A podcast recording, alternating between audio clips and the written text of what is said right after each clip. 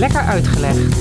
Een podcast waarin Rick en Dennis spelen met kennis. It's playtime, and the work at school is done.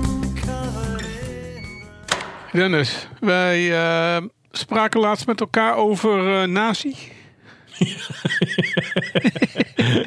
Ja, toen ging het meteen al fout. En toen stelde ik jou ook de vraag, en die ga ik vandaag wat verder op in. Ja, goed. Eh, de vraag of jij een nazi bent. Of ben ik een nazi? Ja, met een Z of niet? Met een Z? Ja? Ja, ja, nationaal socialist. Nee, een taalnazi. Ah, dat kan natuurlijk ook. Een taalnationaal socialist. Ja. Ben jij dat? Nee, Nee. nee. Maar jij bent wel bezig met taal. Jazeker. podcast. Eh, niet al vroeger eh, in je eh, studie- studietijd, maar ook als redacteur. Ja, maar ik ben, eh, kijk, ik versta, wat versta je onder taalnatie? Ik ben niet zo'n Ja, nee, dat is purist. een goede vraag. Want eh, ik, ik leg niet op elke, accent, elke E een accent EQ eh, bijvoorbeeld. Nee, oké. nee, je bent niet. wat betreft de accenten, waar, waar ben je wel. Nou, jij bent geen taalnatie, maar waar ben je wel redelijk taal. Ja, niet pure, puree. Geen taalpuree, taal- Mhm. taalpurist. Geen. Maar je, staat ook niet alles toe. Nee, ik, eh, nou, ik, laat, laat ik je eens vertellen waar mijn taalpurisme eh, een beetje naar boven komt. Eh, Ik woonde vroeger in een dorpje. Ik ben geboren in Ursem en daarnaast heb je een dorpje dat heet Hensbroek. En mijn ouders waren gescheiden en mijn moeder eh, woonde in dat dorpje Hensbroek. En daar ging ik, ik weet niet, de weekenden geloof ik altijd heen. En eh, haar buurman, dat was de eh, weerman van het lokale suffertje. Dus die schreef altijd het weerbericht op in het lokale suffertje. En dat deed hij al jaren. En waar ik me gruwelijk aan ergerde, Rick, het was een stukje van, ik denk 50 woorden. Er ging geen week voorbij zonder taalfouten. En dan vooral in de zinsconstructie. Dus niet zo, zozeer spelling, maar eh, eh, gebruiken van leestekens. eh, Ah, en, en, en verkeerde eh, zinsopbouw en noem het maar op. En, oh, en ik had iedere keer jeuk van... zal ik hem daar nou eens een keertje op gaan wijzen? Van, man, kan jij niet eens een normaal stukje in, inleveren? Of zit er niemand die jouw stukjes leest, zelfs de redactie niet? Want daar komt het dan wat mij betreft op neer. Totdat ik eh, uiteindelijk zelf ook voor de lokale suffertjes ben gaan schrijven. En daarin merkte dat eh, de hoofdredacteur op zo'n lokaal suffertje... eh, gewoon maar iemand is die bereid is zijn tijd erin te stoppen... maar verder taaltechnisch helemaal niet onderlegd is of zo... of een journalistieke opleiding gehad heeft of noem het maar op. Ehm, dus, dus als dat heel erg naar voren komt... en je ziet het tegenwoordig heel vaak in die snelle internetberichtjes op nu.nl... of dat soort sites dan heb ik soms het idee van... eh, eh, eh, hebben ze daar een stagiair die nog niet eens goed kan schrijven... de vrije hand gegeven of zo? Hoe zit het? Nou, dat, op Ja. dat niveau kan ik me heel erg ergeren. Nou, jij noemt iets waar ik dus op doorga, want dat heb ik heel sterk. En jij zei leestekens. Mhm. Leestekens, ja, ja, ja, ja. Daar, kan ik, daar, daar kan ik wel naar kijken, ja. Ja, nou, dat delen wij dus met elkaar. Dus van, dan denk ik al dat we toch wel in de buurt van taalnazisme komen. In de zin dat wij eh, mensen wel graag de les zouden willen lezen over hun soms niet eens bewuste eh, slechte be- beheersing van het Nederlands als het gaat om die eh, leestekens. Mhm. En ehm, daar ga ik vandaag met jou over hebben. Niet leestekens in het algemeen, want er zijn er nogal wat. Want ja, wat, jij gebruikt denk ik de punt. Zeker. Je, eh, dat, Meestal aan het eind van een zin. ja, Nou, mijn moeder doet dat niet. Die gebruikt helemaal geen leestekens. Die schrijft aan één klap door. oh, ah, Maar dat is dan weer, dan, dat is dan weer in appjesvorm. Hè? Dat je denkt van oké, maar nee, ik neem altijd de moeite om, eh, om eh, leestekens toe te voegen waar nodig. ja, oké.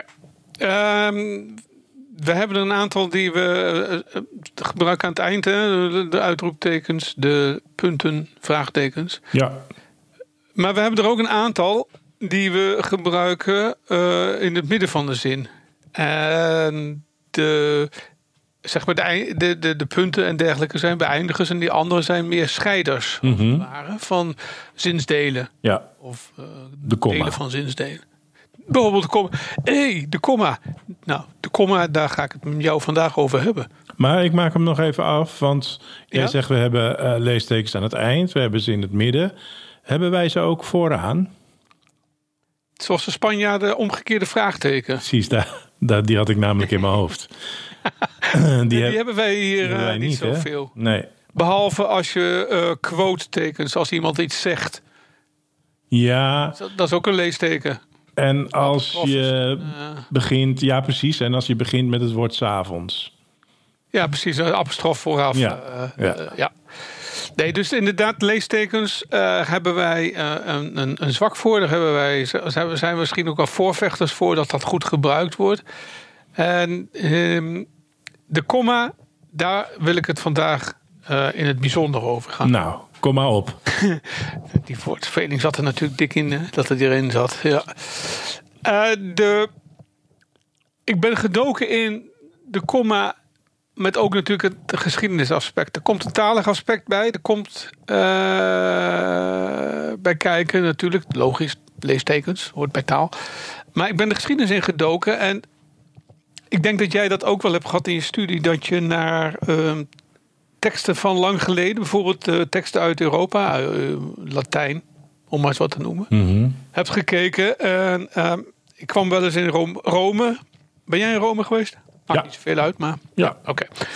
En misschien heb je de cel van Trajanus gezien, die heb ik gezien. het forum, of tegenover het forum. Ja, Nou, en dat is een grote zeil met allemaal eh, teksten in het Latijn. Op, eh, je, ziet ze ook op graftombes, dat soort eh, teksten in het Latijn. En als je goed kijkt, dan valt meteen één, ding op.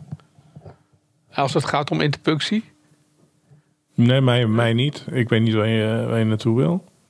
Nou, er is geen interpunctie. Oké, ja, ja, ja, ja. Nee, precies. Dat was me dus ook niet opgevallen. Nee, wat er niet is, dat zie je niet. Nee, Ik bedoel, dat is bijna een, eh een opmerking. ja. Eh, geen alinea's en geen interpunctie. En af en toe zie je, wel- ja, je ziet wel hele kleine puntjes tussen de woorden. Zodat Mhm. ze in ieder geval nog eh, onderscheid, dat je nog onderscheid kunt maken waar het ene woord begint en het volgende woord begint. Ja, De puntjes staan tussen, tussen, tussen woorden in. Maar dat zijn niet de punten zoals wij die aan het eind zetten. dat is meer het de meer spatie die wij hebben. ja, ja, ja, ja precies. De Ja. spatie, ja. Ja, De klassieke oudheidschrijvers, die gebruikten dus geen leestekens. Eh, soms zag je wel iemand een, een, een soort van einde van een paragraaf aangeven... of een pauze of een nieuw idee. Maar gestandaardiseerd, eh, gestandaardiseerd systeem was er niet. Nee, er waren geen was, afspraken. was, nee, er waren geen afspraken. En ik denk dat men ook heel vaak het niet nodig vond om dat eh, te hebben. Bovendien het Latijn, met name het Latijn, is eh, een, een taal die, wordt, eh, die gebaseerd is op, op grammatica. In de zin dat ja, alles wat je, wat, je, wat je wilt begrijpen is ehm, door de grammatica, door naamvallen, eh, te begrijpen. Anders dan bij ons. Wij hebben vaak zinnen die, eh, die, die de grammatica alleen nog maar op het gebied van eh, een werkwoord vormen. Maar vroeger was er veel meer eh, af te leiden uit de tekst. Nou, dat, dat is even voorweg hè, om, om te zeggen van Latijn is een taal die dus weinig leestekens had. Mhm. Wat is er dan gebeurd in die tussentijd tussen de Latijnen, de Romeinen bedoel ik, en, en, eh, en nu? Ja, blijkt dat er al wel iemand is geweest. Die wordt ook wel, als je op literatuur gaat zoeken over leestekens en eh, de komma. Maar even leestekens in het algemeen. Dat er wel al een eh, bibliothecaris was. In de derde, tweede eeuw voor Christus. Aristophanes van Byzantium. Mhm. Ik, ik kende hem niet. Ehm, maar hij was bezig maar met het maken van boeken van Griekse dichters. Eh, maakte die wetenschappelijke tekstedities van. Oké. Eh, zoals van Homerus en, en, en dergelijke. En hij heeft al wel een poging gedaan om eh, in de teksten om het voorlezen te vergemakkelijken. Want daar komen we straks nog op.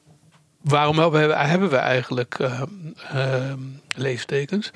Nou, Aristophanes dacht van, weet je, als je het wilt voorlezen en je hebt deze tekst voor je neus, dan is het soms ook handig om niet als een monoloog de hele tijd alle woorden achter elkaar te plaatsen zonder dat er af en toe eens een keer rust is. Want als je dat wel doet, dan wordt het. Als je op die manier praat, als voorlezer, als, als acteur, als docent, als, als radiomaker en wij ook als podcasters, Mhm. Dan is het niet te volgen. dat, is, dat is niet te volgen. Nee. Het is niet leuk om naar te luisteren. Dus hij bedacht, nou als je er af en toe ook eens eventjes een moment van rust aanbiedt. Dan heeft de lezer eh, even tijd om adem te halen. Ook niet onbelangrijk. Maar en de luisteraar heeft even tijd om te snappen van... oké, hier komt weer iets nieuws. Ik kan ook even rustig... Hij heeft dus wat even het is- rustig het is- luisteren. Het is eigenlijk net als eh, met muziek. Verge- muzikanten vergeten soms eh, het onderdeel stilte, wat een belangrijk onderdeel van muziek is. Ja. En dat is natuurlijk met spreken en met schrijven is dat ook het geval. Hè? De stilte Ja. moet eigenlijk ook een plek krijgen. En mee eens. zoals jij dat eh, beschreef, hè, bij de oude Romeinen had die stilte geen plek. En deze vogel die, die wil daar eigenlijk eh, wel iets plek voor geven. Maar dat heeft dus nog eh, eeuwen geduurd eh, voordat dat ook werd omgezet. Hij had een aantal ideeën over van ik zet er wat punten aan en dan die tussen eh, zinsdelen en die punten gaf hij dan aan bovenaan op het, op het niveau van de zin, zeg maar boven, in het midden en onderaan. Onze punt, onze klassieke eind van de zinpunt, die staat onderaan, zeg maar. Na de laatste letter onder. Ja. En hij had bedacht van nou, als ik nou verschillende soorten punten, eentje bovenaan, eentje in het midden, eentje onderaan, dat geeft dan een- de lengte van de eh, rust van de pauze aan. Nou ja, heel duidelijk allemaal was het niet van wat is lang, wat is kort. Nee, maar hij voor hemzelf natuurlijk wel. Dus hij schreef eigenlijk zijn eigen taal. Ja, ja. Of zijn eigen grammatica. Dat is trouwens nog heel lang gebleven hoor. Dat eh, bleek ook wel toen. ehm, ja, in de middeleeuwen veranderde het het een en ander. Toen ging men ook, ook in andere talen schrijven natuurlijk. Mhm. Eh, maar er kwamen ook meer mensen die dachten van... het is toch wel handig als je af en toe eens even weet... waar is het einde van de gedachte, Ja. van de zin die ik nu uitspreek? Wanneer begin ik iets nieuws? Dus in die tijd had men een, eh, een paar van de leestekens had men wel. Men had wel een, een soort van komma. Maar dat was dan een, een pauze die door een schuine streep...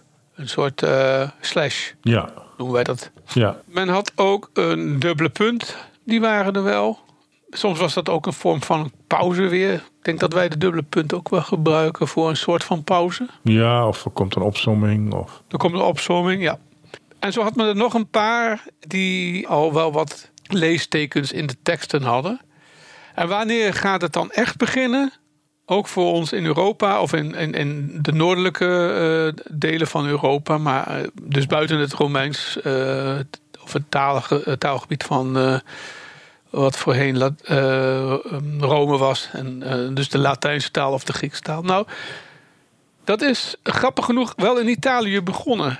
Zoals je weet, aan het begin van de 16e eeuw kwamen er veel meer boeken op de markt. Ja. De manier waarop men ook boeken schreef, Mhm. Was ook eh, meer vanuit meer van schrijven letterlijk, maar van drukken. De, de, eh, de hoe heet dat? De Gutenberg, de, De drukpers. de drukpers, goh, moeilijk woord zeg.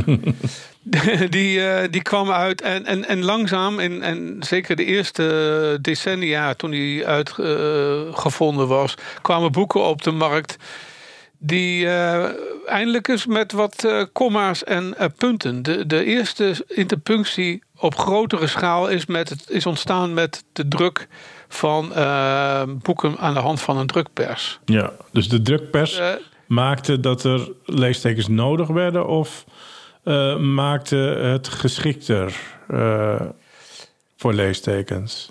Nou, het punt is, die boeken werden met, steeds vaker met losse... Kijk, die eerste drukken, die de zogenoemde wiegedrukken... de incunabelen, die werden nog gedrukt met met blokken. Dus dan had men een stuk tekst uitgebijtst, Gutst. uitgegutst met een, eh, op een stuk hout. En dat werd dan met inkt bestreken. En als je dat dan op papier drukte, dan had je de tekst. Ja, Die stond dan in spiegelbeeld natuurlijk op het, eh, Ja. op het hout. Die werd dan op het papier gedrukt. Maar later kwamen er steeds meer manieren om losse, lees, eh, losse letters te gebruiken.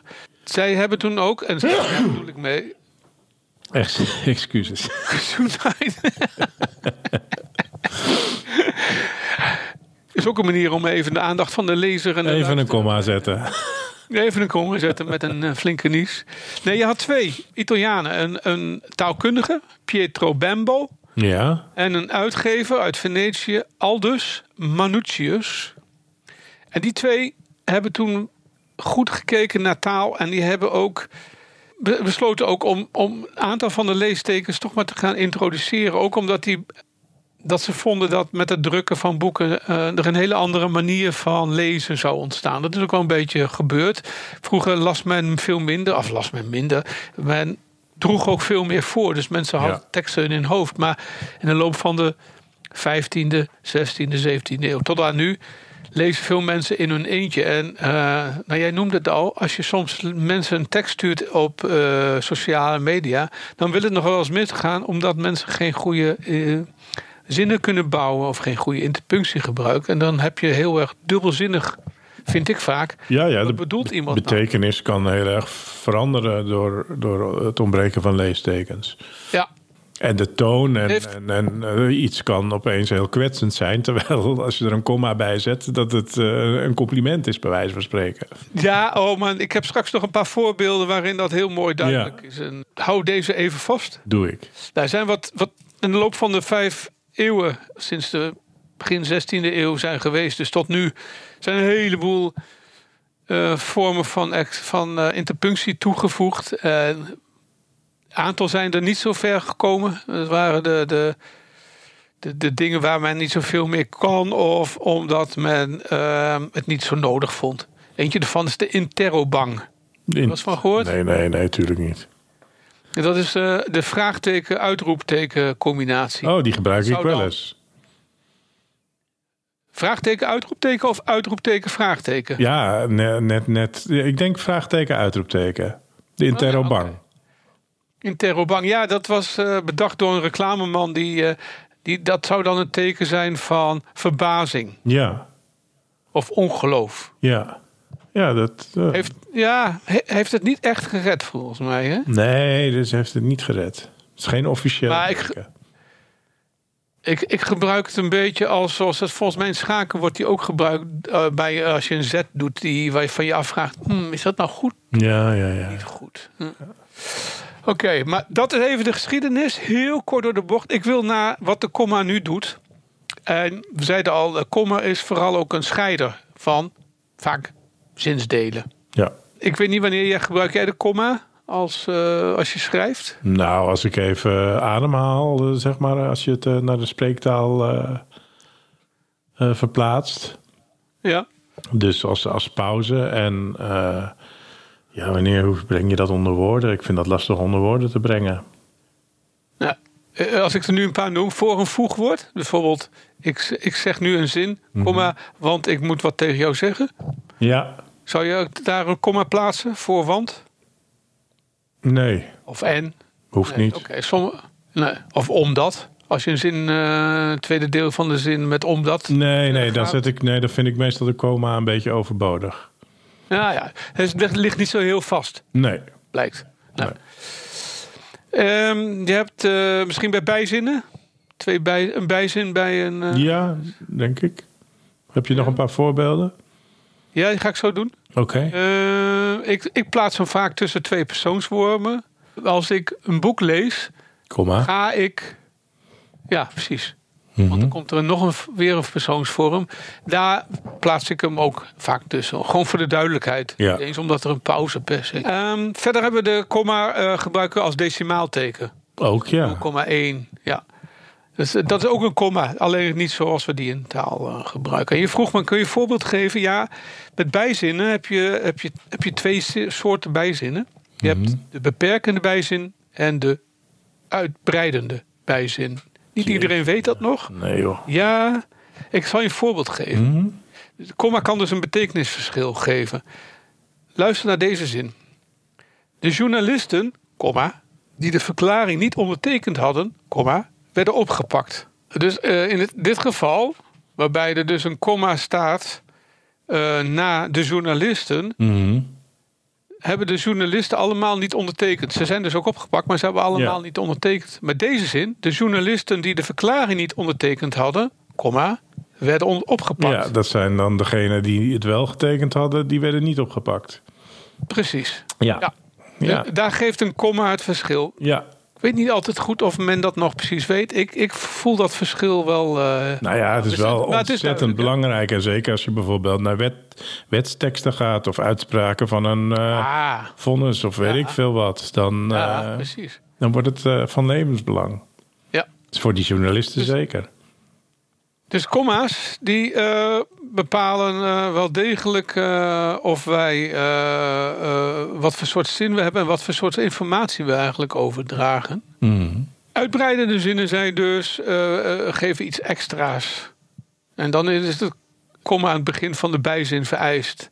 En als de bijzin niet gemist kan worden, zonder dat de betekenis dus van de zin on- verandert, dan is het een beperkende bijzin. En dan heb je geen komma aan het begin. Nou ja, wat je net zei eh, met die twee voorbeelden, eh, dat maakt verschil. De komma is in het Nederlands bij bijzinnen wel heel belangrijk. Mhm. En eh, dan hebben we het niet alleen over kniezorgen en taalnaties. In het Engels heb je ook een speciaal geval van de komma. En, en ook een belangrijke komma, althans voor menigeen. En daar wil ik het eens over hebben. Dus ik vraag jou, de Oxford komma, zeg je dat iets? Zeg maar helemaal niks. Zeg je niks, nee. De Oxford komma is een komma die in het Engels wordt gebruikt om een opsomming te eindigen. Ja. En volgens velen, taalpuristen, maar ook gewoon mensen die eh, taal in hun dagelijkse leven gebruiken eh, om te schrijven. Want de komma is niet iets wat je hoort, behalve een pauze. Mhm. Maar een Oxford komma weglaten kan dus tot misverstanden leiden. Dat is wat een heleboel mensen beogen, eh, be- betogen. Ja. Beogen, betogen. En ik neem maar even een zin. Oké, je hebt deze zin in het Engels. I love my parents, my dog and my cat. En dan staat één komma, namelijk I love my parents, komma. My dog and my cat. Als ik het zo lees, I love my parents, my dog and my cat. Dan heb je al het gevoel van, er zit geen pauze meer naar dog. En volgens de Oxford komma die daar nog had kunnen staan, naar my dog, kan de zin dus gelezen dat je je ouders lief hebt. En die ouders, dat zijn je hond en je kat. Ja, als je hem er niet zet, die tweede komma. Als je hem er niet zet, ja. precies. Ja. Als je hem er wel zet, dus de Oxford komma na my dog, dan krijg je de zin I love my parents, Komma. my dog, Komma. komma, and my cat. Ja, dan, eh, dan hou je ze van alle drie. Dan hou je dus van je ouders. Ja. Dat zijn niet je hond en je kat. Nee. Maar je houdt van je ouders, van je hond en van je kat. Ja, en als ik dat nu naar het Dus- Nederlands gooi. Ik hou van. Nederlands heeft dat niet zo sterk. Nee, maar als ik, ik hou van mijn ouders, komma, mijn hond en mijn kat. Kan je dan ook niet eh, betogen dat, het, dat je ouders de hond en de kat zijn? Ik denk dat je dan een dubbele punt gebruikt, om eerlijk te zijn. Dus Ja, ik hou ja, van ja. mijn ouders, Dubbele punt. dubbele punt, ja, ouder, precies. mijn hond en mijn kat. Ja, Ik denk dat wij een dubbele punt gebruiken. maar als ik ze alle drie lief heb in het Nederlands, dan zet ik ik hou van mijn ouders. Dan hoef ik geen komma's te zetten, of wel? Ik denk dat ik nog wel een komma zou zetten naar ouders. Mm, Ja, Denk ik. jawel, dat zou ik ook doen. Die tweede zou ik niet doen. Ja, ja zou ik ook doen. Ja, klopt. Ja. Oké, helder. Vraag is het. Hel ja? Oké. Helder. Nou, en is dan die Oxford komma dan triviaal? Nou ja, in deze voorbeelden misschien niet. Maar je had een rechter, rechter Barron. Mhm. En nou, die vond dus absoluut niet dat het triviaal is. Nee, die, die, die, Want? die Oxford comma is volgens hem dus essentieel. Ja, ik ga je een voorbeeld geven. Oké. Ehm, in 2014 werd een rechtszaak aangespannen door de chauffeurs van een eh, zuivelbedrijf in Maine, Amerika dus. Ja. En het geschil ging over, eh, overuren En die hingen notabene af van het gebruik van de Oxford comma. Oké. Zij sp- eiste namelijk eh 10 miljoen. Dus het is ook geen, eh, niet een paar euro. Nee, Nee. zo zijn ze in Niet Een Amerika. paar dollar. Ja. maar ehm 10 miljoen dollar eisen ze in een geschil over de betaling van overwerk. Nou, waar ging het nou uiteindelijk om? Eh, het ging om een zin. En die ga ik je zo voorlezen. Hm? En die zin die stond centraal in een zaak van melkveehouders. En die zin, ja, dat die verwees naar een overwerkwet eh, van Maine. En de vraag was, op wie is die wet nou van toepassing en op wie niet? Ja. Ja? Het is een lange zin, dus eh, eh, blijf er even bij voor het beste resultaat. Ja. De zin was. eh, quotes openen, dus het is een echte zin uit een wet. Het inblikken, komma, verwerken, komma, conserveren, komma, invriezen, komma, drogen, komma, op de markt brengen, komma, opslaan, komma, verpakken voor verzending of distributie van. En dan komen er drie dingen: landbouwproducten, vleesproducten, bederfelijk voedsel. Dat was de tekst uit de wet. Ja. Nu ging het uiteindelijk. En ik heb je al uitgezegd van wat uitgelegd wat is die, eh, wat die Oxford comma ging. Het ging om het plaatsen van een komma in een opsomming. Ja. Het meningsverschil kwam namelijk voort uit het ontbreken van een komma naar het woord verzending. Ik zal dat laatste deel nog even oplezen. Het ging dus om het heleboel bewerkingen, zoals eh, inblikken, eh, opslaan. En toen kwam er de zin verpakken, verpakken van verzending of distributie. En nu was de vraag, als er een Ja. komma had gestaan na verzending, Nee, of naar van, denk ik dan. Nee, eh, na verzending. Dus het verpakken voor verzending, komma, of distributie van. Oftewel, die Oxford komma, zo redeneerde ook de rechter, maakt niet heel erg duidelijk of verpakken voor verzending of distributie nou één activiteit is, Ja. of dat verpakken voor verzending losstaat van distributie. Ja. Daar ging het hele geschil over. En uiteindelijk heeft, men, heeft de rechter besloten... ja, dat is dus niet duidelijk. Nee. Of die, of dat, en dan is het in het Engels nog veel eh, erger. Dus door die, door die Oxford comma, Ja. of daar een komma staat na verzending. Of dan vervolgens blijkt van... is distributie van dan een andere activiteit? Ja. En de, ik zal je zeggen, de chauffeurs hebben gelijk gekregen. Ja. Dat Dus is niet helemaal hebben- ondenkbaar, nee. Nee, en je merkt al, jij zei het al, in juridische zin zijn eh comma's zijn, kunnen heel fnuikend Ja. voor de interpretatie van een tekst. Zeker. Dat eh, bleek ook uit, eh, uit dit voorbeeld. Dus ik, ik wil me aangeven, de komma is niet zomaar een, een doetje, niet even een pauze. Het kan een verschil in betekenis aanbrengen. Zowel in het Nederlands met onze bijzinnen, als in het Engels met de opsomming. Ja, dat kan zomaar een, een klein kommaatje. Dat is een heel klein beetje inkt. En je ziet, het is 10 miljoen waard. Ja, nou, het is nog meer waard. Nou, maar daar kom ik zo meteen op. Want ik ga met jou naar de Bij de Weetjes. Ja. En ehm, ik heb een aantal voorbeelden uit, het, uit Nederland, maar ook uit het Engelse taalgebied. Laat ik met het Engelse taalgebied beginnen. En ik vind dat altijd zo'n mooie zin. Ehm, laten we de zin even horen. Let's eat grandma. Let's eat, grandma. Ja, jij zegt al klemtoon anders. Ja. Als je let's eat, Grandma? oma, grandma zegt, Ja. dan roep je oma op om te gaan eten. Ja, dat, dan is Als je hoor je zegt, mij let's toch. eat, ja, precies. Maar let's eat grandma, dan ga je Ga je grootmoeder opeten. En dan, precies. ja. dan is het, wordt het sprookjesachtig.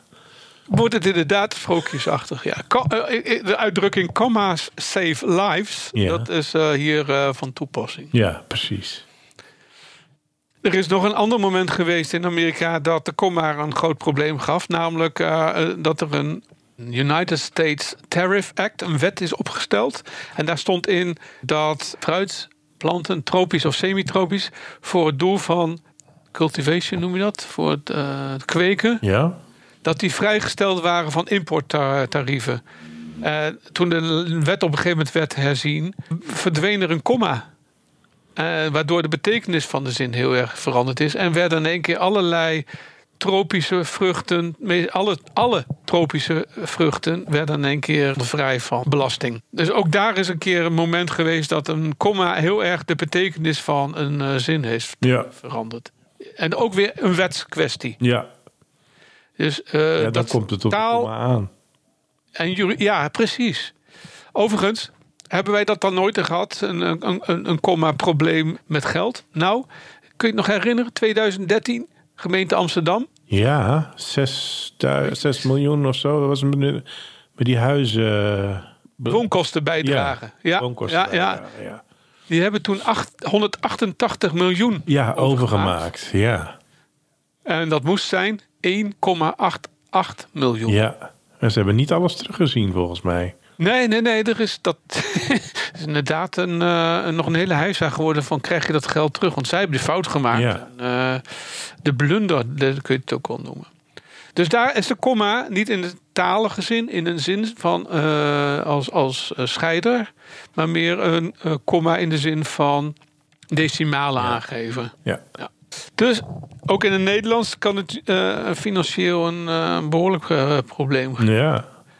Een paar kleine dingetjes nog. Eh, kun je een boek schrijven zonder komma? tuurlijk. Dat is gedaan. Ja. Ja. Een boek waar, dat zelfs de Booker Prize heeft gewonnen. Ja, Eh, was, dat niet, Carey. was dat niet één zin of zo? Nee. Was ook iemand die een, een boek in één hele zin... Oeh, pff, nou ja, goed. maar dat, daar zullen wel komma's in staan, neem ik aan. Dat denk ik ook wel, ja. dat is helemaal Nee, niet dit was het, dit was het boek The, The True History of the Kelly Gang uit 2001. En was dat, was dat bewust een boek zonder komma's? Dat vermoed ik wel. vermoed Schrijvers doen zelden iets... eh, Maar dat lijkt me zo'n rare uitdaging. Ik denk dat je dan vooral zinnen krijgt eh, waar of nog wel een dubbele punt in staat of een punt komma. Maar, Maar voor de rest allemaal korte zinnen. ja, ik op zeggen, dat worden hele korte zinnen natuurlijk. Die, waarbij je de punt eigenlijk inzet als een soort komma. Oh, eh, Om de komma te vermijden. Een soort verkapte komma. Ja. De verkapte komma. Oh, dat klinkt als een Suske en Wiske boek. De, ja. dus Kemiske en de verkapte komma. De verkapte komma. Ja. Overigens, ehm, we gebruiken het woord komma wel de hele tijd. Maar waar komt dat vandaan? Ehm komma is eh, een woord dat al wat ouder is. eh ingeburgerd dus eh, in de 16e eeuw. Ehm, het, het komt uit het Grieks. Van koptijn, Hmm, afsnijden. Oké.